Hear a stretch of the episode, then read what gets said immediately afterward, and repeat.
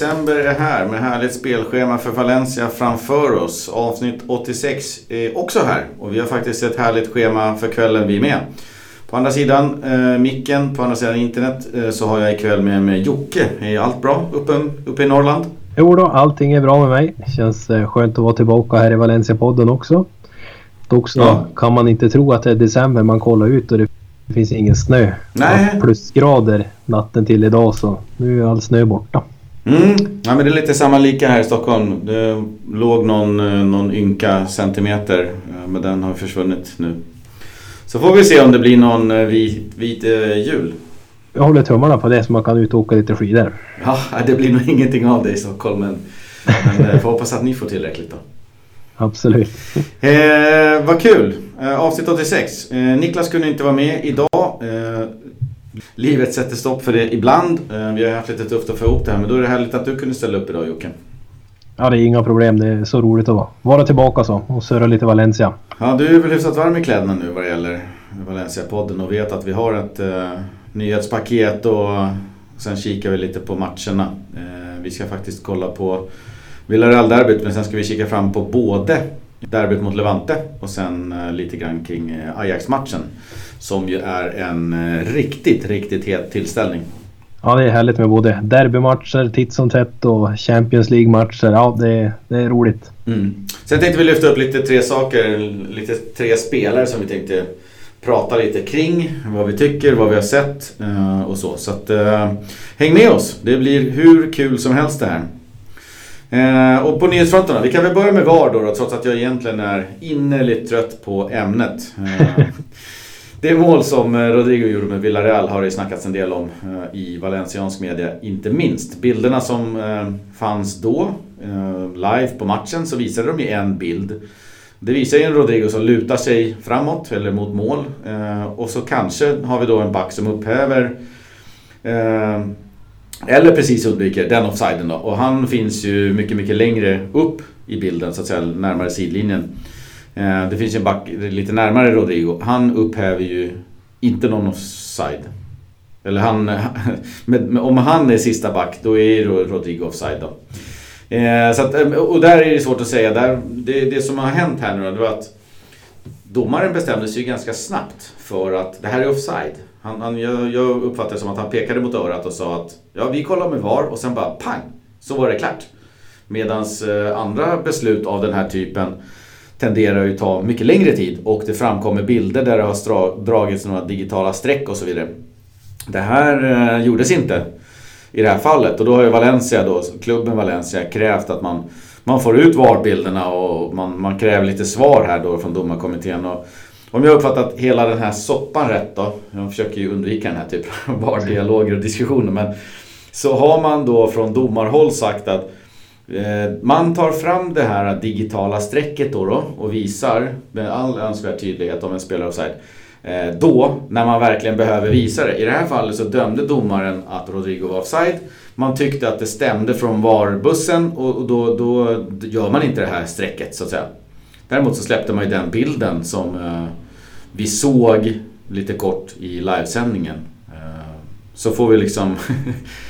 jag vet inte, jag kan köpa att det är, off, att det är offside. Eh, men jag tycker det är inte med mycket. Nej, det, men som, som, du är inne på också, man är väldigt trött på den här VAR-diskussionen. Mm. Som, som är oändlig och så många delade meningar.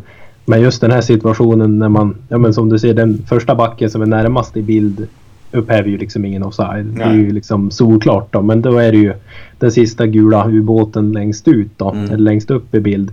Och, och liksom att han tar ja, men handen mot örat. Och sen direkt bara sekunder efteråt ja, men blåser för offside. Mm. Man hann ju inte se på den här snabba bilden. Ja, det där såg ju väldigt, väldigt tveksamt ut. Ser ut som att han är i linje. Du hann ju se att det var nära. Och du hann ju se att du nog skulle vilja att de tittar på det så att säga. Så ja. pass nära var det. Jo, Men sen precis. så bedömde han bara pang, det är offside, hejdå. Och det är det jag inte förstår mig på återigen med, med just det här systemet då. Mm. Vi har ju sett massa andra situationer när man ser, ja men det här är ju en halv meter offside. Det är ju mm. såklart. Men det ska ändå liksom ta tre, fyra minuter och så ska de kolla bilderna och det är hit och dit och ska gå ut och lyssna och kolla själv och så vidare. Och till slut så kommer offsiden. Den här är ju så nära som det bara går att vara onside. Mm. Om de nu ja, kan fastställa att det är offside. Men också de här situationerna när det skiljer. Ja, men hade han noppat ögonbrynen den morgonen då kanske han inte var onside. Då. Det känns ju lite grann som att det är på den nivån. Så hur kan han ta det beslutet så snabbt? Och hur kan de inte... Ja, beslutet tar han ju att det är offside. Sen så ropar han ju till VAR-bussen och säger Hejsan hoppsan, jag har tagit en offside här. Kan ni bekräfta den? Inom 10 sekunder så är ju den då bekräftad vad jag förstår. Och det är ja. det som är frågan. Hur, hur, kan de bekräfta den så fort? Ja, det är orimligt så att säga. Det ska man väl säga också. Det är den delen av kroppen som kan göra mål som beräknas som offside. Och eftersom Rodrigo lutar sig framåt så räknas inte hans arm, men hans axel räknas. Och det är där jag känner att är det kroppen, Rodrigo, då är den inte offside. Men axeln, ja, den kan möjligtvis vara någon centimeter offside. Eh, det ja. som är lite märkligt också, jag läste i Super Deporte då, min spanska är med mig hela vägen. Eh, och min Google Translate hjälper mig på rätt sätt. Så stod det där vem som hade sagt det eller vem som påstod det. Eh, där stod det att eftersom spelaren längst uppe i bild inte påverkar spelet och inte anses hinna ikapp bollen så räknas inte han. Och då tänkte jag så här, jaha, det är ju i sådana fall nyheter för mig. Ja, den, den, var, den var ny för mig också. Visst om du har en, en skadad spelare som, som ligger ner utanför jag tror planen. även en sån, ja, in, ja precis utanför planen. Ja, Innanför ja, planen tror jag ja. även en skadad spelare upphäver offside. Ja. Den, jag förstår inte den alls. Jag lägger en liten brasklapp för min spanska där, men jag varit lite förvånad när jag läste det. Bara, vad, vad är det de påstår här? Men, ja, nu ställer du mig på pottkanten också. Det är inget jag har, har Det är inget jag har fattat heller. Nej. Ni lyssnare som har gått domarkurser och Uefa-kurser kan väl äh, rätta oss och slå oss på fingrarna då. Om ni vet. Ja, får, får gärna berätta för oss vad det egentligen som gäller. Ja. Eh, vi bordlägger VAR-frågan. Konstaterar att Rodrigo kan ha varit offside. Han blev dömd offside i alla fall. Så går vi över till förhandlingarna gällande den härlige Carlos Soler. Eh, förlängningen av hans kontrakt, eh, förhandlingar där kring pågår för fullt och väntas bli klara inom kort. Det har varit snack om att det ska vara nästa vecka då, eh, runt den eh, vad var det, 12, 13, 14. Jag vet inte om det är någon sittning eller något möte då. Eh, nuvarande kontrakt stäng, sträck, sträcker sig till sommaren 2021 med en utköpsklausul på 80 miljoner euro. Och nu har han varit lite skadad och kanske inte kunnat visa upp sig så mycket i år men det känns ju inte som... Alltså det går ju att höja lite grann på den också tycker jag. Ja, jo det tycker jag. Speciellt om du kollar andra spelare i truppen också. Som Rodrigo ligger väl på 120. Mm. Eh, om, jag, om jag minns rätt. Så det är ju uppe i de trakterna vi, vi ska lägga honom och, och, och, säkra honom för framtiden. Att vi inte tappar honom i någon skitdeal. Nej, jag tror ju en sån spelare som Ferran Torres eh, ligger på 80 också. Vilket då när det kontraktet skrev liksom kändes som, som bra. Så man, men det känns bekvämt. Eh, problemet är ju bara om du får en sån här galen stint som Ferran Torres nu har. Om den håller i sig i två månader. Då är de här 80 inte tillräckligt. Nej, då finns det ju många av de här stora klubbarna som kan gå in och, och plocka honom. Mm. Bara ta klausul direkt liksom och stänga ute Valencia från förhandlingarna.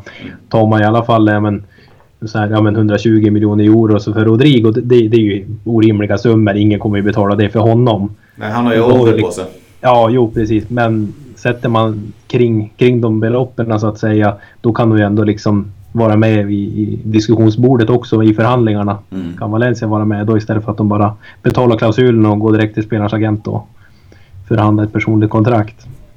Ja, och det som jag har inte hört någonting kring Carlos Soler heller. Att han skulle vilja vara på väg eller att han Nej. skulle vara på väg eller att någon agent är ute och vevar någonstans eh, på något sätt. Utan från min synvinkel så har det varit väldigt liksom stilla förhandlingar bakom låsta dörrar där båda parter eh, verkar vara inriktade på att det är Valencia som, som gäller eh, och ingenting annat.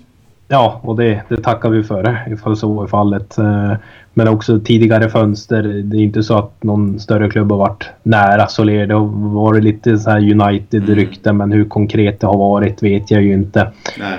Men det känns ju som att det, det, är Valencia som gäller för Carlos Soler ett par år framöver i alla fall. Jäkligt kul att se de här, om vi tar Carlos Soler och Gaia och eh, ja, Ferran Torres och de här som, som kommer från kanteran att, att det, det, verkar verkligen vara deras högsta dröm. Jaume Domenech ska vi såklart nämna. Ja. Att, att, spela i Valencia. De, de har nått liksom i mål. Eh, ska de lämna Valencia så ska det till någonting exceptionellt. Dels att kanske klubben vill sälja eller att det liksom, ja, det här är en, en chans. Det känns nästan som att det är en chans utöver Barca och Real som de letar efter för att behöva lämna. Eller inte letar efter, som, som krävs för att de ska lämna Valencia. Typ kanske ett Liverpool eller City eller ja. ja inte det känslan lite grann att de är otroligt hemmakära, de är otroligt nöjda och glada över för att vara i Valencia? Jo, det, det, det var ju såklart. Det, det är en ynnest att säga, speciellt som en trogen supporter och fan så är det ju någonting man älskar. är ju klubblojalitet och mm. ja, men som du säger att deras högsta dröm är att spela i Valencia. Eh, bara det går man ju igång på som, som supporter och det är ju få förunnat så att säga. Det är inte många, många lag som, kan, som, som har supportrar som kan känna på det viset så att säga. De flesta liksom de här större klubbarna då, om man räknar topp fyra ute i Europa i de här större ligorna. Det är ju bara ett hopplock från alla mm. möjliga olika nationaliteter och ingen klubbhörighet på det sättet som de... Så vi har tre stycken liksom, ja, startspelare. Mm. En konkret så det, det, är riktigt, riktigt roligt. Ja, och sen spelar som Jaume liksom signerar en, en, var en treårsförlängning från bänken. Ja, bara det liksom älskar man ju. Mm. Nästa tröja det blir Jaume på ryggen. Alltså. Ja. Sen, och då har han ju ändå showcaseat liksom sina, sin, sin kunskap i hela Copa del Rey som, som räckte till, till bucklan. Så han har ju visat sig finns. mot Barcelona och mot Getafe och alla Betis och de här lagen. Så att folk har ju fått se honom att ah, men okej, han håller La Liga-klass liksom så. Ja, ja. Men det är alltså, ändå han... ingen klubb som, som... Eller ja, han väljer att signa med Valencia och han vet att bänken är hans. Ja, jag menar han skulle ju lätt kunna gå till en mittenbottenklubb mm. i La Liga och vara start eh, vecka ut och vecka in så att mm. säga. Men det väljer han bort. Mm. För att sitta på bänken i Valencia, spela de här Copa del Rey-matcherna, roteringsmatcherna så att säga. Ja, det är, det är riktigt, riktigt härligt. Ja, det är kul. Vi håller tummarna för Carlos Soler. Eh, vad vi tror och hoppas så kommer det signas på eh, inom en hyfsat kort framtid. Då. Det är ju ingen panik heller när det är ett och ett halvt år kvar, men det är lika bra nu att ta tag i det. Ja, får det gjort så inte han får någon superryck här så att säga, utan säkra upp han på ett ja. bra kontrakt nu. Sen kan vi väl gå in på den eh, bittra och eh, långa skadelistan. Eh, den har innehållit eh, en herrans massa spelare som Kondogbia, eh, Coquelin, Garay, Cher, Guedes, Diakabi, Jaume Costa, Piccini. Senast klev ju Rodrigo av. Där har jag faktiskt inte läst någonting. Uh, men det var ju någon form av dragen muskel som det såg ut på tv-bilderna va? Ja precis, det var ju i en löpning som mm. han ja, grinade illa och stannade upp och, och tog sig för baksida, baksida lår tror jag. Mm. Så att eh, det är ju svårt att säga. Han kan ju bli värst av allt så kan han ju bli borta resten av säsongen också men då hade vi nog redan sett eh, ja. ja. nyheter om det så att säga. Nej, jag har faktiskt inte läst någonting. Jag kan missa det kan ju bli nyheten. Det kan ju bli en längre tid också. Som mm. sagt, baksida lår är inte, inte att leka med. Nej, däremot så finns det lite ljusglimtar, ljusglimtar i mörkret här. Vi har eh, Jaume Costa, Diakabi, Kondogbia och Cheryshev med frågetecken för den sista. Jag läste att han tränade i veckan men sen har jag inte läst det mer. Men de här andra tre, eh, Costa Diakabi och Kodobia tränar med laget. De är ute ja. på gräset och, och, springer runt. Därmed så är de ju relativt nära en comeback. Och samma gäller ju Garay då, som till och med tränar med boll. Han hoppas ju på att vara tillbaka redan till helgen så får vi se hur det går. Ja, även fast Mangala inte gjorde bort sig om man säger så mm. helt och hållet mot Villarreal så är det ju härligt om Garay kan komma tillbaka här och fortsätta spela ihop med Paulista. För det, det är ju bara klart två bästa mittbackar och de vill man ju se spela. Speciellt för konkurrens och, och rotation också eh, så kan det vara bra att ha tillbaka dem. Det är ju rätt mycket matcher då med eh, helg och sen så är det Champions League och sen kommer ju Copa del Rey och Supercup och annat. Så att du, du behöver ju ha en 3-4 hela mittbackar. Nu går vi ju på ja, reserverna så att säga. Ja, precis. Nej, men annars så blir det ju liksom att vi blir ett hopplock från B-laget som kommer upp och, och sitter bänk så att säga. Eller kanske en, ja, men någon innermittfältare, Coquelin när han kommer tillbaka kanske, eller dylikt som, som går ner och spelar mittback. Så Va? att, eh, han får ju kompromissa en hel del nu känns det som Celades med alla de här skadorna. Ja, verkligen. och inte minst då på högerbacken där Piccini som var vår enda renodlade högerback egentligen förra säsongen. Uh, nu har vi den här Thierry Correa också. Men han eh, drog ju på sig någon långtidsskada och man har inte hört så mycket av han. Men det har cirkulerat lite, eller han har själv börjat lagt ut lite bilder nu. Och då såg man honom eh, motionera på något sätt, göra lite övningar på ett löpband. Eh, och på den tweeten så meddelade han att han är 58% redo. Ja, helt, underbart liksom. 58 procent. Ja, det, de är precisa läkarteamet här. Exakt. Verkligen. Nej, men ja. Han snurrade runt lite där och, och han, alltså han gick eller vad man kalla det för småjoggade, ja. kanske dansade det är som man ska en säga. steppdans som man Ja. säger så, nästan på, på löpbandet då så att säga. Men det såg ju Eh, bra Det är kul att eh, då har det kommit en bit i alla fall. Det är ju ingen superbelastning. Men det är ju samtidigt inte några kryckor eller halta Nej men fram, utan- precis. Nej, men han gick ju från poolbilder till det här så att Mm. det är ju framsteg. Absolut. Så där kan man ju tycka att eh, så, så pass viktig som Vass är och så pass bra han är på olika positioner så har ju han blivit tvungen att vara våran högerback i och med att Korea inte rankas som tillräckligt bra. Eh, skulle då Piccini komma tillbaks då har vi en konkurrenssituation på högerbacken. Senast hade vi väl Jaume Costa där, eller då kanske inte senast men någon match hade vi Jaume Costa på Ja. högerbacken. Så att eh, en renodlad högerback tas ju tacksamt emot. Ja verkligen. Speciellt när också när Correira, när, när inte han håller måttet. När till och med som du säger Jaume Costa går före honom på högerbacken. Även fast jag tyckte inte där matchen han gjorde Correira att han gjo- gjorde bort sig. Han var ju frejdig offensivt Mm. så att säga. Men gick ju bort sig och betalt i positionsspelet då. Det är lite mer lite så här Cancelo-vibbar så att Mm. säga. Att han är, ja, men ser frejdig ut eh, offensivt men sämre på defensiva. Ja, vi får se vad som händer. Vi håller ju alla tummar vi har för Piccini att han kommer tillbaks. Det var en otäck skada han åkte på. Ja verkligen. Sen kan vi konstatera att Kangin Lee, våran eh, lilla asiatiska juvel, har utsetts till Asiens bästa unga spelare 2019. Oh. På någon gala i Hongkong. Eh, Jag vet inte om det är någon typ av ja, Ballon d'Or eller vad man ska kalla det, guldbollar eller någonting. Men han, eh, ja, han, han blev utsedd till den bästa unga spelaren. Jag vet inte vad det betyder egentligen. Den som blev utsedd till då bästa spelare eh, var ju en lirare från eh, Qatar. Han är utlånad från Villarreal, vilket han då antagligen inte platsar i, till Qatariska ligan. Han är då ut, tillsammans då, de delar på priset vad jag förstod. Han och en, en japan från Lyon i Frankrike. De blev ut framröstade till som Asiens bästa spelare. Jag vet inte vad Jo Min Son och de här, vad tog de vägen liksom? I Tottenham. Ja. Och så finns ju fler. Eh, Så, jag vet inte vad det här är för någonting. Men det är ju kul för uh, Kangin och ett pris är ju alltid ett pris. Han fick ju det här mycket tack vare sina otroligt fina insatser i U20-VM där han blev framröstad som turneringens bästa. Ja, men det finns det eh, någon asiat där i, i Real Madrid också va? Någon ung kille.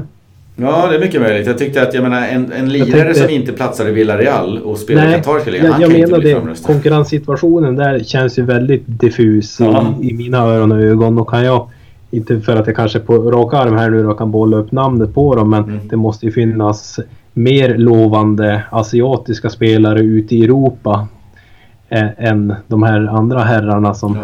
som var i kat, kat? Var ligan i Qatar, Qatar? Qatariska ligan. Ja, det kan man inte ens uttala nästan. Nej. Nej, jag saknade ju allra mest Jomin, vet du, Jomin Song i Tottenham. Som spelade Champions League-final i våras och så vidare. Ja, precis. Nej, men han är ju såklart den, den stora om man Ja. säger så från, från Asien. Eh, Men ja, som du säger, kul med ett pris i alla fall. Sen Någon vi typ av pris så, så får vi, tar åt sig av äran direkt. Gällande konkurrenssituationen, det vet jag väl inte. vi släpper värderingarna kring vad det är för pris. Ja. Och tar emot alla pokaler. Absolut. Nej, sen så har vi datumen spikade för spanska supercupen. Vad sägs om det? Eh, det har ju bytt format. Dels så, så spelas det ju nu i Saudiarabien, men där också den stora grejen är ju att det är semifinal och final. Valencia ställs ju då mot Real Madrid den 8 januari och sen den andra semifinalen mellan Barca och Atletico spelas dagen efter. Och skulle man då vinna mot Real så är ju finalen den 12. Matcherna spelas i eh, Kung Abdullah Sports City. En eh, gigantisk arena som tar 62 000 eh, åskådare. Och jag vet inte om de tänker sig att det ska bli fullsatta. Jag har ingen aning. Nej, det jag vet inte riktigt men ja. Det, som sagt, det spelas i, i Saudiarabien. Jag lägger inte så mycket värdering i det. Det är liksom den moderna fotbollens Ja. ansikte vi ser här. Baksida. Baksida så att säga. Eh, ja, det, det, kommer väl ske en del roteringar säkert i, i samtliga av lagen.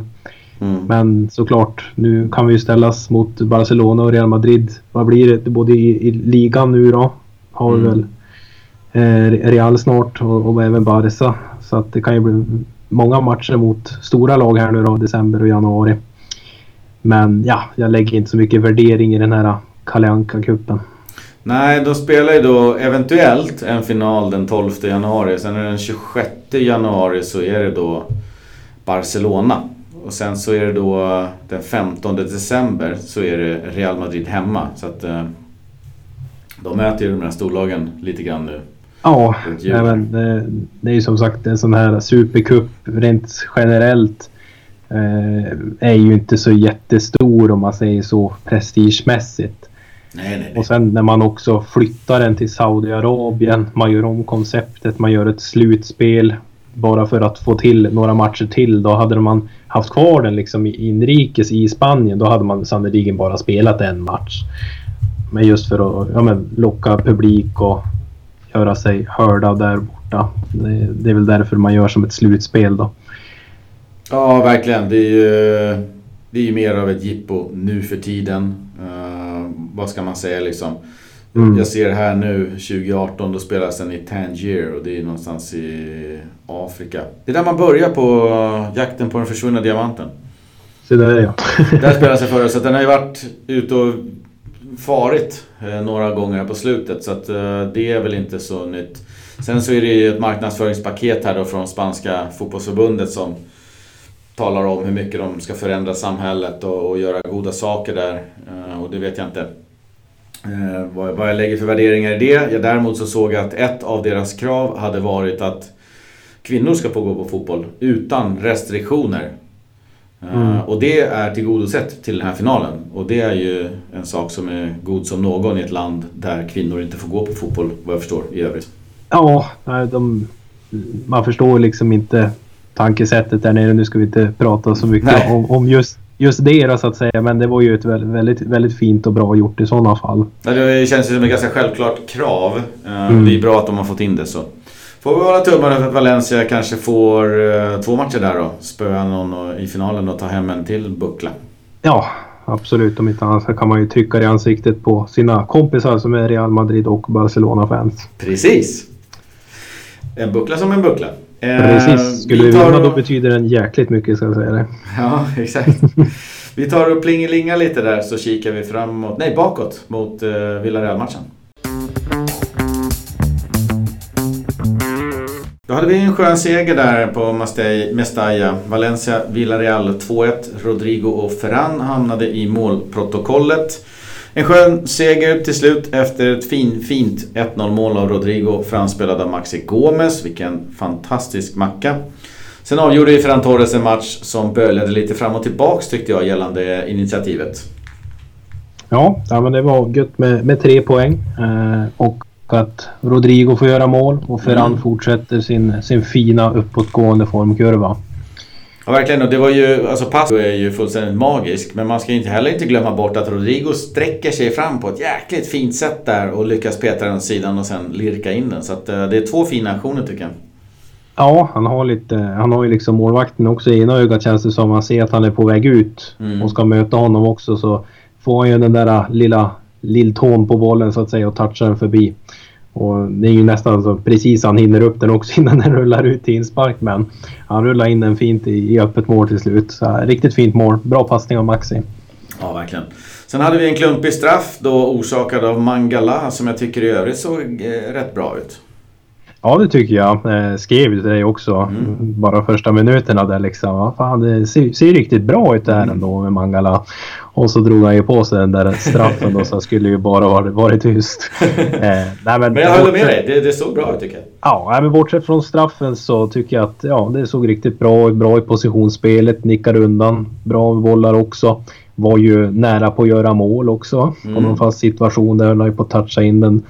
Eh, nej, men det känns som en, en riktig krigare. Speciellt om man följer honom också på sociala medier. Han skriver ju verkligen mycket att han, ja, men han gillar att vara i Valencia, älskar fansen, älskar mm. staden och ger verkligen allt i alla situationer. Och det tror man ju på också. Mm. När man ser att han gör en sån här insats då efter många dagar i kylan och utanför spel. Två Så, år egentligen som han har kämpat med skador va? Ja, det är väl nästan till två år med, mm. med väldigt pyrt med speltid. Mm. Så att, nej men jag tycker det såg bra ut. Det båda gott för framtiden. Bra att ha en sån gubbe och kunna slänga in också. Dels med mycket skador på Garay till exempel men mm. även i, i, rotationer också. När men också se att han funkar. Det är inte så att vi har ja. någon, någon tveksam lirare här som, vi, som, som kan agera mittback. Utan nu fick man ju liksom... Det var ju det man kanske misstänkte eller var rädd för i alla fall med Mangala. Nu tyckte jag att man fick svart på vitt på att nej men det här funkar i alla fall. Och jag vill inte ge honom fem getingar av fem. Liksom. Jag vill nej. ge honom en tre, tre och en halva och säga att nej men det här var dugligt. Det här var bra. Ja, fullt, fullt godkänt mm. så att säga. Gjorde ju absolut inte bort sig på, på något vis förutom den straffsituationen mm. då. Och det var väl förhoppningsvis var det väl det de såg också när de hämtade hem honom igen. Ja men här har vi en som har varit i klubben tidigare visst med, med helt andra spelare och runt omkring sig med ledning och allt vad det innebär. Men uh, han går ju verkligen in och, och gör jobbet. Ja. Ja, det tyckte jag också. Eh, kul att se. Sen hade vi en straffräddning av Sillesen. Det var inte hans första i Valencia-tröja, men eh, skön ändå. Gerard Moreno lägger väl, ja, som vanligt då, straff, man pratar om straffskytten så lägger han en dålig straff och så pratar man om Sillesen så gör han en, en helt okej eller bra räddning då. Eh, ja, men det var ju i bra målvaktshöjd och allting. Ja, så är det ju. Det är ju inte den bästa straff jag någonsin sett, det ska vi inte säga. Men alla räddningar på straff är ju, är ju bra så att säga. Det gäller ju ändå att gå åt rätt håll till att mm. börja med och det gör han ju. Sen att eh, det är inte så bra fart på den. Bra målvaktshöjd för honom att ta den. Den är inte speciellt väl placerad ut mot stolpen heller. Men han är där och han tar den, vilket är det absolut viktigaste. Sen skiter jag hur de andra skjuter, bara han tar den. Mm. Så nej, men det var riktigt roligt att se. Eh, det är väl andra straffräddningen nu då i, i mm. Valencia-tröjan. Så att, eh, nej men det, han har ju haft en dålig statistik just gällande straffasillesen. Ja. inte hade räddat någon på, jag vet inte hur, hur inte, många år. Inte av det snittet som vi är vana vid i alla fall. Nej, precis. Ja, vi har ju haft eh, verkligen specialister i Diga Alves till exempel. Mm. Så att, eh, nej men det var, det var roligt att se, roligt för honom. Jag eh, hoppas han kan ta med sig det här och bygga upp ett eh, självförtroende och bli mer stabil på straffar också. Mm. Om jag säger Carlos Soler, Ferran Torres och kanske även Coquelin som de mest framstående spelarna. Har du någon du vill ta bort från den listan eller någon du vill lägga till? Nej, ingen invändning där. Speciellt de först två, två nämnda mm. så att mm. säga, Soler och Ferran. Eh, riktigt, riktigt bra. Eh, är ju inne i ett stim nu båda två, speciellt Ferran Torres. Men eh, Soler gör också en stabil och bra insats. Eh, Coquelin ligger bakom mycket liksom i det defensiva och i det tysta. Hur han rör sig, hur han för sig på plan och viktiga brytningar och bra, bra i passningsspelet. Så det, det har man ju saknat när han har varit borta. Ja, lite oroväckande där. Det var ju, såg ut som någon skada på honom som han sen liksom viftade av själv och sa nej, nej, nej, nej, det är inga problem vad det verkade som. Han viftade bort den och sen så bytte de ut honom ändå. Ja, nej men det är som sagt man har väl inte riktigt råd att chansa nu heller när det är så skadedrabbat som det är. Så hade han spelat vidare kanske hade det blivit ännu värre. Vi får ju se nu då när, när truppen tas ut i, till helgen om han finns med på pappret där. Men det skulle jag nog tro att han gör. Ja. Jag tror inte nog att det är så allvarligt. Så kommer in i en intensiv period och han kommer bli oerhört viktig. Speciellt om Kodogvia ska fortsätta vara så skadedrabbad som han är. Mm. Så behövs det ju någon utav dem, antingen Coquelin eller Kondogbia på plan bredvid Parejo då, som ska vara mer kreativa. Ja, sen har ju du fått axla Hermanssons mantel och eh, radat upp tre saker som du tar med dig. Ja, eh, axla den manteln är ju inte det lättaste, det ska, det ska jag hålla sagt. Nej, så att, eh, eh det är bara upp med nummer ett på podiet så betar vi av den. Ja, vi börjar väl där då. Som en lite rubrik också, två falska nior. Mm. Eh, jag tyckte det blev väldigt tomt i straffområdet när både Rodrigo och Maxi Gomes de sjönk väldigt djupt ner i, i plan, i mina ögon i alla fall. Mm. Eh, båda två var nere och hämtade boll och när de väl hittade ut på kanterna så var det inte så mycket aktivitet i det straffområdet i och med att båda hade sjunkit så, så djupt ner i plan då. Mm i regel vad vi har sett tidigare så brukar det vara Rodrigo som faller lite djupare, hämtar upp boll, levererar eller rör sig ut mot en kant och kommer med, ja men viker in, går på avslut eller ett inlägg kommer. Eh, men man kan ju inte ta ifrån Maxi Gomes heller den urläckta passningen som ledde fram just till 1-0 målet då. Ja, och då var han ju rätt djupt i planen när han lägger den. Ja, han är ju det. Han är ju... Ja, Eller precis. djupt, alltså hem, långt hem i planen. Långt hem så att säga. Ja, nej, men det är väl på ungefär mitten av mm. den offensiva planhalvan. När han vänder upp och slår den här passningen så att det är väl lite som säger emot. Men jag tycker det blev bättre när Gamero kom in. Han är ju mer konkret i sitt anfallsspel. Han mm. håller sig där centralt. Ja, vi pratade om det lite innan vi gick i sändning här. Eh, det är jäkla snack alltid innan och efter. Så det är inte inspelning i en timme utan det är oftast två och en halv, tre timmars samtal tänkte jag säga. Men då pratar vi just om det här med falska nior och vad är en falsk nia och inte en falsk nia och en nia. För, för i min bok så är ju Robert Lewandowski en nia liksom. Urtypen av en nia. Eh, och vi kan väl säga i det här fallet att i min bok så, så är ju också Rodrigo som, som, som, uh, han är lite mer av en falsk nia då. Han, han, uh, han går ner lite grann och bla bla bla. Och det känns som att han är en äkta falsk nia och vi kommer fram till, eller jag kom fram till att Maxi Gomes är en falsk falsk nia. Han ja. känns ju i sina stunder när han spelar mer som en nia faktiskt tycker jag. Men, men, men jag har sett också att han går ner rätt mycket och hämtar boll.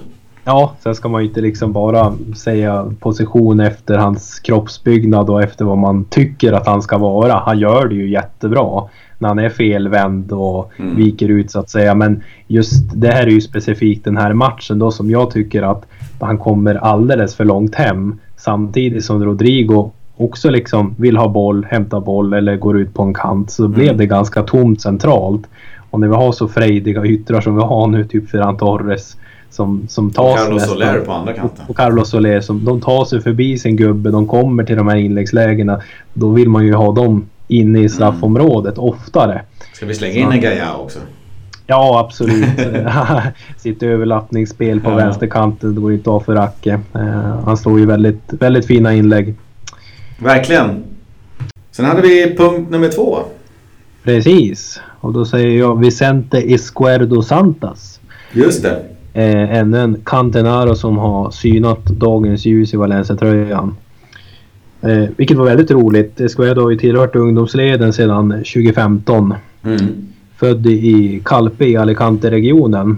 Men eh, har ju som sagt spelat ungdomsfotboll i Valencia nu ett par år. Vad tycker du om honom då? Jag tyckte att det såg kul ut eh, när han var på planen. Först tänkte jag så här, vad, vad gör han i truppen? Men det har ju luftats lite olika spelare i truppen av och till så att man liksom tänker inte så mycket mer på det. Men sen så när han skulle in tänkte jag, åh jäklar, det här blir spännande. Jag tyckte att han eh, tog för sig eh, på ett bra sätt. Jag tyckte att han eh, gjorde en stabil insats som lovade gott. Han gjorde inte bort sig på något sätt. Jättekul att se. Ja, men när man fick laget också dagen innan tänkte man SKR då, vem är det här liksom? Så att då var du in på Google och, och kolla upp liksom. För jag, jag kände inte ens till att vissa spelare har man ju koll på i, i liksom B-laget också. Uh, men just han har, har gått förbi mig helt och hållet. Ja, jag såg också att han är i stort sett eh, eh, ordinarie då i år. Han har spelat 15 matcher i Mestajan med 12-1300 minuter så det är väl så gott som ordinarie. Och det är ja. kul att han får chansen. Ja, precis. Och därför blir jag så paff också. Hur kunde jag missa honom? Han brukar mm. ändå försöka följa Valencia B också. Och deras, deras matcher. Bara gå in och kolla liksom någon, på någon livescore eller någonting. Och, och kika hur det har gått och vilka som spelade. Men hade gått förbi mig, mig helt och hållet. Mm. Eh, så det var ju roligt att se honom men eh, ja, man vet ju aldrig med de här. Vi har ju sett eh, andra som har kommit upp och, och testat vingarna i, i, början så att säga med, med Soler och Gaia och Lato allihopa. Det kan ju få lite olika utfall men fortsätter vi ha det här skadeläget så kommer det finnas utrymme för, för de här unga att få chansen. Ja, verkligen. Och jag tyckte att han gjorde bra ifrån sig. Han, han var med och ville ha boll och, och fördelade boll och, och kämpade väl. Så att, ja, jag tyckte det var en, en bra lirare. Ja, han såg väldigt, väldigt sugen ut så att säga och hängde med i tempot. Det var ju inga som helst problem så att det är en vältränad pojke. Ja, verkligen. Ja. Vad tror vi om eh, plats nummer tre då? Vad har vi där? Ja, där har Eller vi plats nummer tre, sak nummer ja, tre. Sak nummer tre, jag har väl inte rangordnat dem på så mm. sätt så. Ehm, men där har vi Daniel Wass så att säga och hans eh, betydelse för, för detta Valencia. Ni har pratat om det tidigare också. Mm. Du slår ju också en ganska hård trumma för, för honom så att säga och hans mm. Eh, betydelse i laget. Hans men oavsett om man gillar honom eller inte så så gör han ju sitt jobb. Han har ju sina begränsningar men han mm. gör ju jobbet då. Speciellt mot motstånd som typ Villarreal mm. eller andra bottenlagen, mittenlagen så att säga. Där går han ju nästan till aldrig bort sig på så sätt. Även fast han är väldigt begränsad i sitt spel. Han står ju ändå för assisten här fram till Ferran Torres avgörande mål också. Och har ju flest minuter i truppen bakom Parejo. Ja, och där är liksom, jag kollade på just den assisten som han hade där och funderade på om det var meningen eller inte och jag vet inte om det är det. Han spelar in bollen och sen den går förbi några spelare men den kommer perfekt till Ferran Torres. Så att eh, en assist är en assist. Ja, och han är ju där och lägger den. Danska ögat får man inte ta för aktie. Nej, så det är kul. Eh, han har verkligen en stor betydelse på bredden i och med att han eh, spelar både centralt och ja, till vänster i alla fall på mittfältet i Celta. Jag vet inte hur mycket han har fått till Valencia på slutet men lite till höger, sen är det lite högerback och lite allt möjligt. Så att ja, det är en viktig pjäs för klubben, jag håller med. Ja, vad är det vi brukar kalla han? Schweizerkniven? Ja, just det. ja, ja. Vad får vi kalla honom för en schweizerkniv? Men det är väl det han är. Han har ju så otroligt många sidor i sitt spel. Sen är väl kanske inte en, ingen av de här äh, schweizerknivarna som man ibland viker in eller viker ut och använder. Det är väl ingen av dem som är liksom vassast i stan så att säga. Men, men äh, de är fullgott vassa för att göra ett bra dagsverke på de flesta positioner. Ja men exakt. Exakt. En väldigt bra summering av just fotbollsspelaren Daniel Wass. Jag gillar honom mer och mer. Ja, jag kommer ihåg här. Eh, Niklas eh, som sa när han kom att eh, vi kanske borde liksom lugna oss lite med, med, med vad det är för typ av värvning. Det är kul med Nordbo, men det här är ju en rotationsspelare. Och, och, det var precis det jag kände också, att det här är en rotationsspelare som kan gå in och, och, och göra lite skillnad på slutet. Han har en fin fot och, och sådär. Det är på inget sätt en dålig spelare, men det är ingen, ingen spelare man heller förstärker truppen med. Nej. nu har det blivit så att han, han förstärker inte truppen på så sätt att han är liksom överlägsen eller glänser på någon plats. Men han är ju fullständigt vital för att Valencia ska funka överhuvudtaget. Ja, ja men det ser man ju också på, på antal spelade minuter också. Eh, hur pass viktig han är. Eh, han fungerar på väldigt många olika positioner som just en rotationsspelare eh, är ju liksom vad han ska vara i ett Valencia. Mm. Men vi har ju alltid skador. Vi har skador på högerback, på mittfält, på ytter och så vidare. Och där går han ju in och får sina minuter. Man, man tänkte att han skulle ha den rollen som man tycker att kanske Cheryshev ska ha. Att han kommer in sista, sista kvarten på vänsterkanten eller han kanske kommer in sista kvarten centralt eller kanske istället för Carlos Soler då på högerkanten som det var förra året. Eh, den rollen som Ferran Torres då hade. Eh, nu har det visat sig att han är livsviktig egentligen för eh, lapptäck, lapptäcket eller pusslet som måste läggas inför varje match. Dels på grund av uttagningen. Du kan inte ta ut 22 spelare där du har på bänken då 11 eh, spelare som täcker varenda position. Nej. Och då har du ju Vass som täcker två, tre eller nästan fyra positioner där han kan kliva in i. Ja, det är som Selades när han börjar krita ner i sitt block liksom startelvan. Mm. Kritar ner sina tio och så har han Vass där vet du. Och mm. så är tomt på den sista elfteplatsen och där slänger jag in Vass. Och sen mm. får vi se liksom vart det blir någonstans. Och han går in och gör jobbet. Så att, oerhört viktig spelare i dagens Valencia. Ja, väldigt respekt från mig eh, för det han gör. Eh, på det sättet han gör det också. Verkligen. Och kul också att han har fått komma in i danska landslaget igen efter ett par år och att han inte var där så att säga. De har väl också olika platser kanske de behöver ha in en, en ja, fullt duglig bra spelare på. Lapptäcket Danmark. Ja, exakt. Men jag tänkte, kul med tre punkter eh, som du tog med dig från den matchen. Jag tänkte att vi skulle kika eh, på tre spelare som vi pratade lite grann om eh, du och jag innan matchen, eller innan eh, podden. Att vi skulle kika lite på tre spelare som sticker ut lite grann just nu. Mm. Eh, och då snackar vi inte bara Villarreal-matchen utan vi snackar nog kanske lite hösten men, men lite speciellt på slutet här då. Och vi börjar med, med den självklara eh, Ferran Torres. Vilket genombrott det är vi ser hos den unge Canteranon. Sättet han för sig på planen och allt från avslut, bollbehandling, beslutsfattning och, och så. Det ger ju bevis för att Ferran Torres är på allvar. Nu har han Förra året så kunde man se det lite grann då och då men han kunde också vara ganska anonym. Där, där vi var bland annat inne grann, lite grann på att han inte riktigt tog chansen i alla lägen. Eh, chansen, han har ju tagit den. Han har ju svalt den med hull och hår. Det, nu är högerplatsen hans känns det som. Fortsätter, eh, fortsätter han så här så, så, kan de inte hålla på bänken längre. När Gedes och kompani Soler är tillbaks och, och liksom det är ju en fantastisk, eh, ett fantastiskt genombrott vi ser. Som pågår ja, just nu. Verkligen, det blir ju ett delikat problem för Celadus att lösa när, när alla är friska så att säga.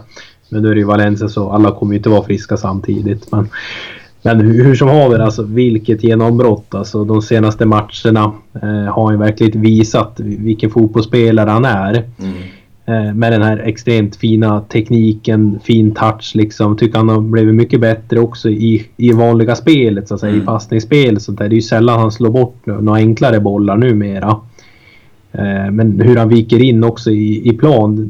Jag gillar ju inte att eh, säga det nya Messi eller och så vidare så att säga. Men där såg man ju mycket, i alla fall jag, liknelser med Joaquin så att säga. Mm. Just de här snabba vändningarna eh, och så hur han bara, typ lutar fram kroppen verkligen och sätter fart när han viker in i plan. Tycker jag man kan dra liknelser till hur Joaquin var i sitt spel. Mm. Eh, men här har vi ju en, en kommande stjärna. Klart, klart alltså. Det är väl första namnet som Celades kritar ner i startelvan Ja, just nu känns match. det som det. Det är, det är ju Ferran Torres känns det som.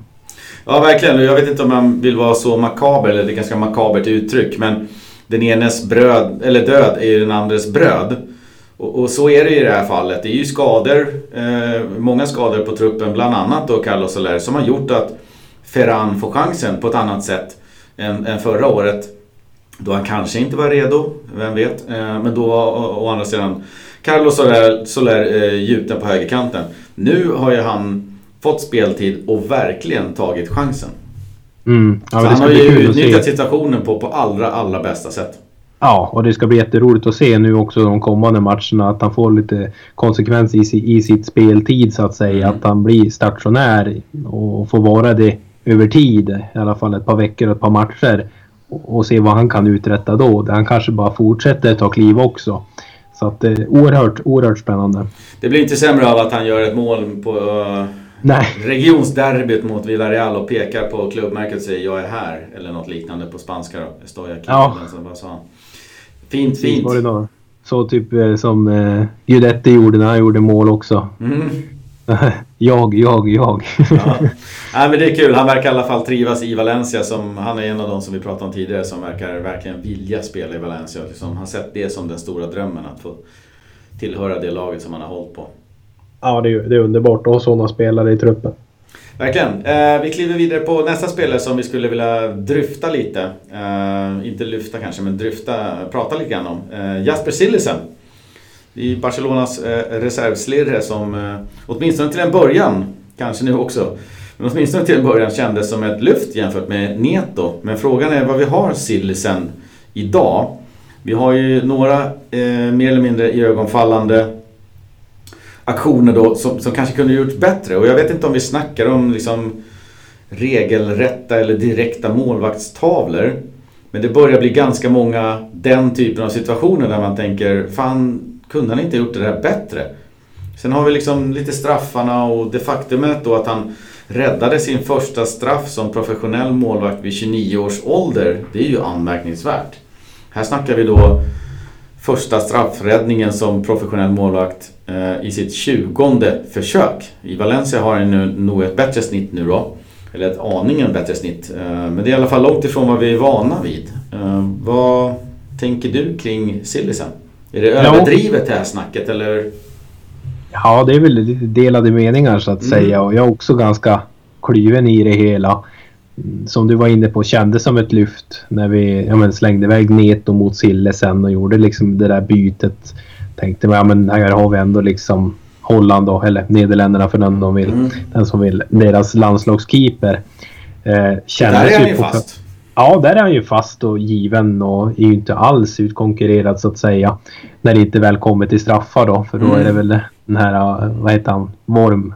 Ja, de har väl någon där ja. Ja, som går in och tar straffarna där.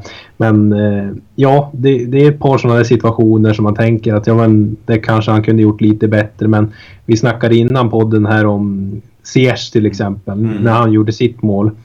Det är så många har kritiserat honom där. Och det är ju ett fantastiskt avslut som vi bjuds på. Det är ju mm. otroligt skruvet, härligt dyk så att säga. Skulle Sillesen bara släppa in sådana mål, då skulle jag vara jättenöjd med honom. Då har jag ingenting alls att klaga på. Men det är vissa situationer där han är lite tafatt i sitt spel.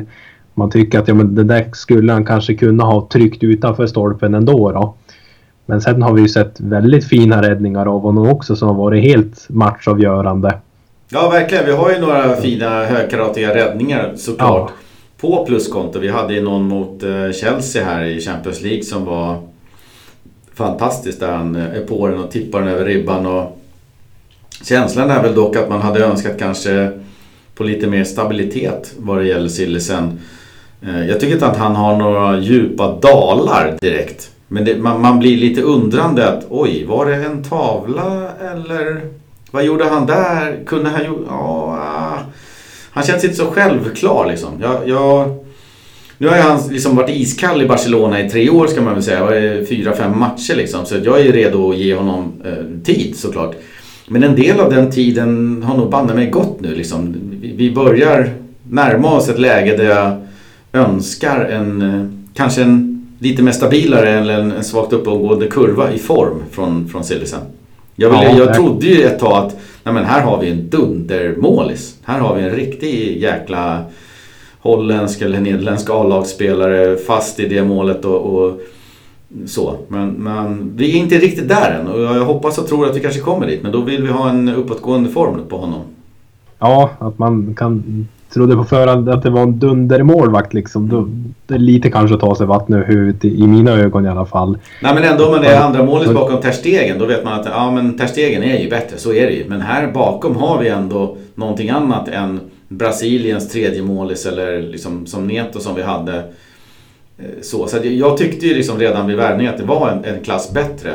Och, och, nu står jag och funderar på, är det det? Ja. Jag hoppas och tror men jag, jag är inte säker. Ja, men som sagt, jag tycker det är ju inte en nedåtgående kurva heller tycker jag. Nej, nej, nej. Han är, han är som stationär liksom. Det är bara han är död, det är bara en rak linje. Mm.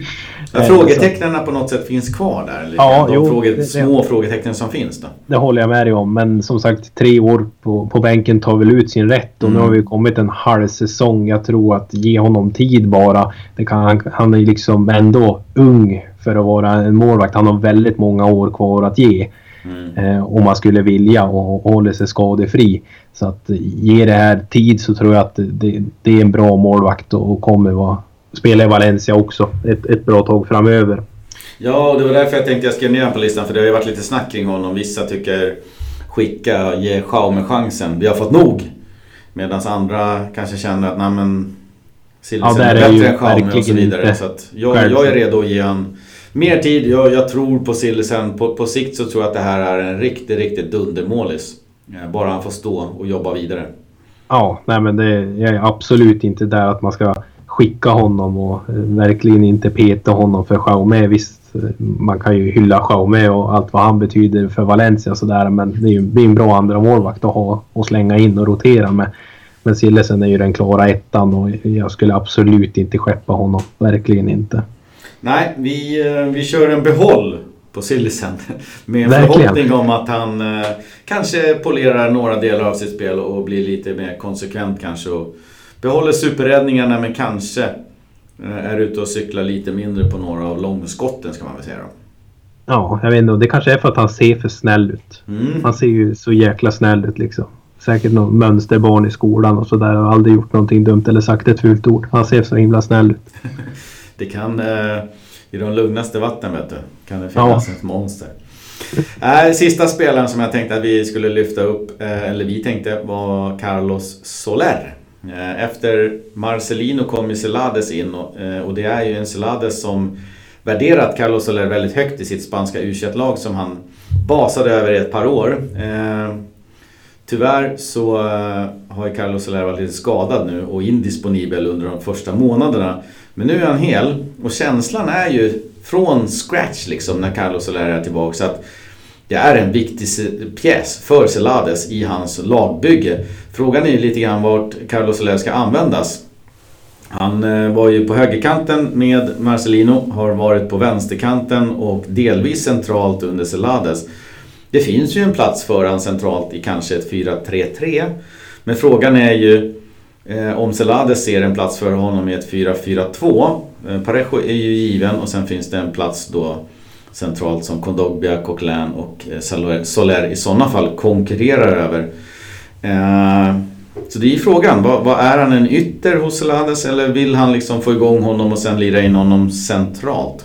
Självklart beroende på skador och så vidare, men vad, vad känner du där? Ja, mm, man känner ju att han är ju en central innermittfältare. Det är väl där han kommer till sin rätt allra bäst att säga. Men sen gör han ju absolut inte bort sig från kant. Vare sig han spelar höger eller på vänster. Sen tror jag väl inte att han konkurrerar liksom i ett 4-4-2 så tror jag inte det Soler ens är med om, alltså konkurrera med Coquelin och Kondogbian. Någon sån där defensiv pjäs kommer alltid spela bredvid mm. Parejo som är, som är gjuten så att säga. Så det är ju om vi i sådana fall går över till ett 4-3-3. Vi kan spela med ja, men Parejo, Kondogbi eller Coquelin och Soler. Mm. Då, då kanske det finns utrymme för honom att spela centralt. Men fram till dess så tror jag att han kommer hålla sig på, på en kant. Och då är ju liksom frågan vad, vad gör man liksom? Ferran som flyger fram nu liksom gjuten.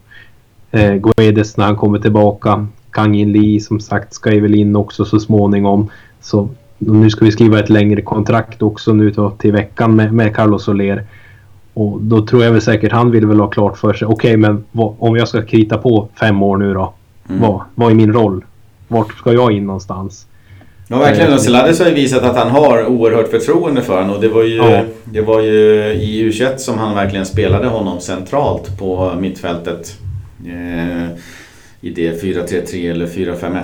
Hur man nu ser på det. Eh, ja, liksom, där, både att, han, eh, han, tillsammans med Fabian Ruiz var ju mm. liksom, de var ju så jäkla bra. Och så mm. en Dani Olmo där framför dem så att säga. Det var ju och han gjorde otroligt bra där på innermittfältet så jag förstår ju varför de vill ha innan.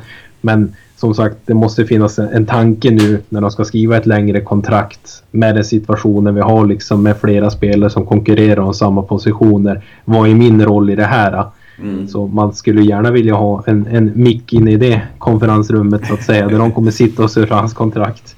Och, vad är planen? ja, verkligen. Eh, en, en härlig spelare som vi hoppas eh, skriver på ett långt kontrakt så får vi se vart han hamnar. Det åtminstone så är det väldigt spännande med Carlos Soler som har så många strängar på sin lyra och kan, kan verkligen föra sig lite grann som vass kanske på olika platser på mittfältet. Mm. Eh, det skulle vara kul att se Carlos Soler få en chans centralt på mittfältet på samma sätt som Ferran har fått en chans på, på högerytten. Att, man, att du får verkligen 5-6 matcher på det. Eh, du vet att du startar och du vet att du mm. har chansen. Så då skulle det vara kul att se vad Soler kan uträtta. Ja, det hade varit jättetrevligt att se och i sådana fall blir det nog ett 4-3-3 om inte mm. då Parejo går sönder så att säga. Men ja, det, ska bli spännande att se vad som händer här framöver och hur han kommer användas. Apropå Parejo. Eh, är Carlos Soler Parejos ersättare när han eh, en dag lägger av med fotbollen? Vad är Parejo? Han fyller väl 31 nu va? Mm. Han har något år kvar. 23 fyller han väl snart. Eller är han 22 nu kanske? Mm. Ja, någonstans där. Nej, jag, jag, tror ju inte att... Om, om nu då de ska skriva ett längre kontrakt med Soler. Då kommer han vilja ha sin roll klar så att säga. Parejo har ju i alla fall två, tre år kvar kanske. Ja. I sig. Kommer liksom, vad är Soler då? Då är han 26, 27. Ska han vänta så pass länge för att få den här efterlängtande centrala rollen i laget? Nej, det tror jag inte. Så just tidsaspekten gör att jag tror inte att Soler är Parejos ersättare. Nej. Nej, vi får se. Spännande spelare. Det är tre bra spelare. Ferran Torres, Jasper Silsen och eh, Carlos Soler. Ja, det är ett delikat problem. Ja, verkligen. Vi eh, tar eh, och jinglar där och sen så kikar vi lite grann på de två kommande matcherna. Levante Valencia lördag den 7 december 18.30. Lite senare än vanligt. Derby på El Comunitat mot ett Levante som har gått eh, rätt bra i år faktiskt. Ligger för närvarande på 20 poäng mot Valencias eh, 23. Och Levantes form får väl ändå anses vara god trots att man åkte på en 0-4 förlust mot eh, Getafe senast som ju har en klart uppåtgående kurva. Ja, det ska bli roligt med, med ett till derby. Och all eloge också till Levante och deras säsong. De har ju ett roligt lag att kolla på. De spelar ju väldigt frejdig fotboll. Mm. Visst att de gick på plumpen här när de är med 0-4 mot Getafe. Men, men det, det, är inte så jäkla lätt att åka och spela borta mot Getafe heller. Det, det ska man sagt. Kanske man inte ska släppa in fyra mål dock och inte göra något framåt. Men eh, de, de har ett spännande lag som absolut kan, kan hota ett Valencia som är så pass skadedrabbat som vi är också. Så jag tror att vi väntar nog en väldigt tät match. Ja, och räknar man bort de där senaste fyra målen så har man släppt in bara 17 då. 21 mer om. Eh, och gjort bara 18 så det är ganska målsnålt när Getafe lirar och de allra flesta segrarna och poängen har ju kommit på hemmaplan. Då. Mm, ja, så de är lite svårspelade där. Ja, nej, men det är som sagt de är ändå roliga att kolla på tycker jag. Mycket, mycket fart och fläkt så att säga på, på spelarna där också. Han, eh, Morales heter han va? José mm. Luis Morales ja. Och när han sätter fart och älgar på så att säga. Det är ro, rolig gubbe att titta på. Ja, man hade ju dessutom en seger här för eh, en månad sedan mot självaste Barcelona hemma. Man vann senast hemma också så att det är ett hyfsat starkt hemmalag. Ja, men vi är ju nästan till hemma vi också så att ja, säga. Det är grannkvarteret vi åker och spelar i så jag tror att det blir tätt med att vi, vi drar nog det längsta strået. Sen kan man väl säga lite grann att eh, de har, eh, ja, om inte lika lång så nästan lika lång skadelista som Valencia. Jag kan inte värdera spelarna på deras skadelista, hur, hur viktiga de är för dem, tyvärr. Jag har inte den kollen på Levante. Men de, de har en 5-6 spelare på skadelistan. Eh, med tanke på våra skador och på de som är på väg tillbaks och de som vi har. Hur, hur ser du Selades ställa upp i den här matchen? Kör vi vidare på 4-4-2? Ja, jag tror inte att han kommer mixtra in något 4-3-3. Det tror jag inte, utan det blir nog, även fast man skulle vilja såklart. Mm. Men jag eh, tror att det blir ganska likt eh, förra matchen eh, med både, både spelare och, och positionering så att säga. Återst det blir som sagt lite frågetecken på Coquelin just. Eh, om han är fit for fight från, från senast. Men det, det, skulle jag tro och i sådana fall blir det ju han och Parejo. Vad tror du själv? Ja, eh, frågan är ju kring Rodrigo där. Maxi känns ju given. Så får vi se hur de ställer upp på, på backen beroende på vad man har. Men eh, ja, jag tror att det blir ganska lika som senast mot Villarreal. Ja, beroende många på förändringar lär, lär det ju inte bli så att säga. Eh, möjligtvis att en, en, Gamero får spela då. Eh, mm. om, om Rodrigo är lite halt så att säga. Men eh, annars så blir det nog väldigt likt som sist. Jag kan tänka mig Ferran på ena och Soler på andra. Jag kan tänka mig en eh, Parejo centralt. Frågan är om vi har någon bredvid honom. Uh, Coquelin viftade ju bort sin skada. Uh, jag har inte riktigt hört hur, hur illa det är med det. Men det blir spännande att se. Det blir kul att se vilken trupp han tar ut till att börja med. Där brukar man ju få lite hintar om. Uh, jag vet inte, kan vi få se en Escudero där eller? Kör man in en Soler i sådana fall om det saknas någon på centralt? Ja, då, då, tror jag nog från, från start så blir det nog så. Eh, möjligt då om det är så att man ska göra ett, ett byte liksom i ja, men, sista minuterna i, i andra då, man kanske leder eller något sånt där, att eh, han gör det bytet igen. Mm. Eh, men som sagt finns det på förhand redan klart att eh, Coquelin inte kommer kunna spela. I alla fall inte spela från start. Då tror jag säkert att man kollar på att peta in Soler centralt. Och det hade man ju gillat. Parejo och Soler tillsammans det blir väl eh, lite så här att de får jobb, jobba i, i defensiven båda två och växeldra lite grann i sådana mm. fall. Då har vi problem på vänsterkanten bara. Annars hade vi liksom en Gajalat om man kunde köra, peta upp den ena och den andra kör vänsterback. Eh, men nu med Cheryshev på väg tillbaks men vad jag förstår inte redo för match och en Gede skadad så har vi ingen vänstervinge direkt. Nej, det blir väl vasst om man får, han får spela både ja. högerback och eh, vänsterytter då. Något sånt. Nej, det är härligt. Eh, kul med derby på lördag. Vi kikar lite snabbt även för, inför Ajax Valencia på tisdag. Eh, då ska det avgöras i Grupp H klockan 21.00. Eh, det väntas ju 1400 fans ner till Amsterdam. Biljetterna gick ju slut på ett nafs vad jag förstod. Eh, och det är ju den sista avgörande matchen samtidigt som Chelsea möter Lille. Eh, vi har ju allt i egna händer. Vid vinst så går vi vidare i och med att vi har inbördes möten på Chelsea. I övrigt så gäller det för Valencia att matcha Chelseas resultat för att gå vidare. Och går vi vidare till slutspel så gör vi det för första gången på sju år. Eh, en otroligt fin match eh, och det finns väl lite revansch att utkräva där efter förlusten 0-3 hemma som det kändes som att Ajax lite grann drog ner brallorna på Valencia. Ja, verkligen. Eh, man, jag trodde på förhand den matchen så visst, jag kollar inte på Ajax jättemycket i den inhemska ligan. Det blir väl mm. kanske en eller två matcher per säsong som man kollar. Och efter transferfönstret så ja, men, tappar de ju två av sina kanske viktigaste spelare. Mm. Så trodde ju inte jag på fullaste allvar att de skulle vara så här jäkla bra som de har varit. För det är ju inte bara mot Valencia de har spelat bra. Även mot eh, Chelsea och Lill ja, sopar de i mattan med hur lätt som helst. Mm. Eh, så att eh, de, de, de är värda att ta på allvar även den här säsongen. Eh, tror, tror verkligen att det kan bli en, en spännande match. Vi, vi kommer som sagt göra allt för att kunna knipa den där vinsten. Jag tror inte man på förhand liksom, ja, men tänka sig att Lill ska kunna göra någonting mot Chelsea, för det tror jag inte. Inte med hur dåliga de har varit, ändå, även fast de tog poäng mot Valencia. Vi hoppas. Sen kan man ju säga att efter den eh, Chelsea-Ajax eh, 4-4 matchen där det var två röda kort och en straff i en situation och så vidare. Efter den galna bataljen så har ju Ajax fyra raka segrar. Varav eh, en är i Uefa Champions League mot Lille. Men då har de 15-3 i målskillnad så det är ju en ångvält som går fram. Ja, det, det där såg man ju inte komma liksom att ett lag med, som spelar med Dusan Tadic mm. som, som anfallare centralt skulle kunna prestera så här. Alltså det såg man ju inte när han var i Southampton och hattade runt liksom. Nej, vilket, vilket lagbygge, vilken maskin det, det är.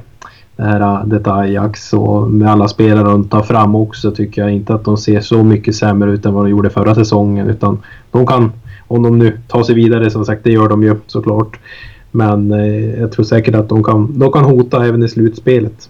Man får lyfta hatten för Erik Ten Hag då som eh, är en av de hetare tränarna eh, på marknaden just nu. Nu har ju han jobb hos Ajax men det är många storklubbar som rycker i honom och man tror att han är en av de kommande stortränarna.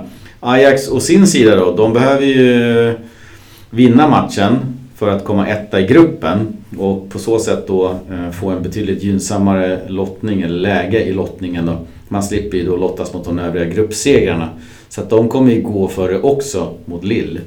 Eh, de har ju då 10 poäng medan Valencia och Chelsea har eh, 8 poäng. Så vinner Valencia mot Ajax så går ju Valencia förbi och vinner Chelsea mot Lille så går ju de också förbi. Ja, det kan bli så alltså att, mm. ja precis, att Ajax inte går vidare överhuvudtaget då. Nej, så de går ju också för full maskin. Det är, det, ja, det är ingen eh, rotationsmatch för Ajax utan det nej, är en viktig nej, match också. det trodde jag inte heller. Jag, jag, mm. jag hade inte stenkoll på Jag trodde de var faktiskt klara att gå vidare men jag trodde inte heller att det skulle bli någon rotationsmatch som även så var fallet. Eh, I och med att det är ju så stor skillnad att komma ett och tvåa. Mm. Ja men det är ju det så det är viktigt att de kommer etta där. Så att jag tror att absolut att de vill... Eh, nu ska vi se. Jag tror kryssa räcker för dem, men jag är lite osäker. Men eh, en vinst är ju helt klart att föredra för Ajax och eh, jag tror att de går för det hemma, om inte annat. Ja, nej, men det, det ska bli häftigt, och, häftigt att se som sagt de här eh, kvällarna med Champions League. Det, det är någonting man ska också passa på att njuta av även fast det är jäkligt svårt många gånger. Ett sånt fint dubbelmöte mot en, med en stor kanon eh, vore ju mumma. Eh, fatta hur det kokar på Mestalla då. Ja, men som sagt kanske få dit ett Juventus eller någon annan, något annat storlag. Det kommer ju vara fantastiska matcher och fantastisk atmosfär för de som är på plats. Eh, I alla fall innan matchen. och jag tror inte att Valencia heller egentligen är liksom helt chanslösa mot, mot eh, alla lag. Man kan nog föra sig mot de flesta så att omöjligt är det inte. Svårt, självklart, men inte omöjligt. Nej, jag tror långt, eh, att vi är långt ifrån liksom någon form av drömlottning för många. Jag tror inte det är så många som vill åka till eh, Mestallas branta läktare och spela mot oss i en avgörande slutspelsmatch i Champions League. Nej. Så är det. Vi missar varken Levante Valencia på lördag eller Ajax Valencia på tisdag. Men däremot så känner vi ju för att eh, tippa lite som alltid. Vad tror du om en scorecast på Levante Valencia? Ja, ja men det har ju gått eh, ganska bra. Mm. Det är ju i, i delad ledning då. Ja, du är uppe och hugger. Ja, så att eh, nog ska det kunna gå vägen den här gången också. Men som sagt, jag tror ju ändå på att det blir en ganska tät match. Så vad ska man dra till med? Ja, jag tror det blir nog 2-1 till Valencia igen. Då skriver jag 1-2 här. Och väntar med spänning på vem som gör Valencias första mål. Ja, jag brukar ju hänga på lås jag tills de släpper startelvan och sen så drar jag iväg mitt tips. Och det, här, det är en av nackdelarna att vara med i podden vet du. Ja, det, det är ju det. Nu känner jag mig lite obekväm. Nej, men jag drar väl till med någon som jag eh, tror kommer starta och, och någon som är inne i ett stim redan. Så jag säger Ferran Torres. Ferran Torres. Jag var ganska säker på att du skulle ta den som du har bak på ryggen på din senaste matchtröja. Maxi Gomes. Men så blev det inte. Nej, så blev det inte. Vad tror du då, Timonen? Jag funderar på 0-0, men det är alldeles för tråkigt. Så att jag slår till med en eh, 0-1-seger. En tight, gnetig, härlig 0-1-seger där Parejo avgör på straff. Straffen får vi ingen poäng för, men jag tror Parejo gör målet. Ja, och då eh, blir det en straff. Då är det han som tar den. Så är det. Niklas har vi inte fått in något tips från tyvärr. Så han kliver ju in i den eh, Twitter-tråden där alla ni andra lägger in era bets. Då så, då börjar vi lida mot sitt slut med den här podden. Avsnitt 86 är avklarad och vi rundar av som vanligt med ett hasta luego. Hasta luego.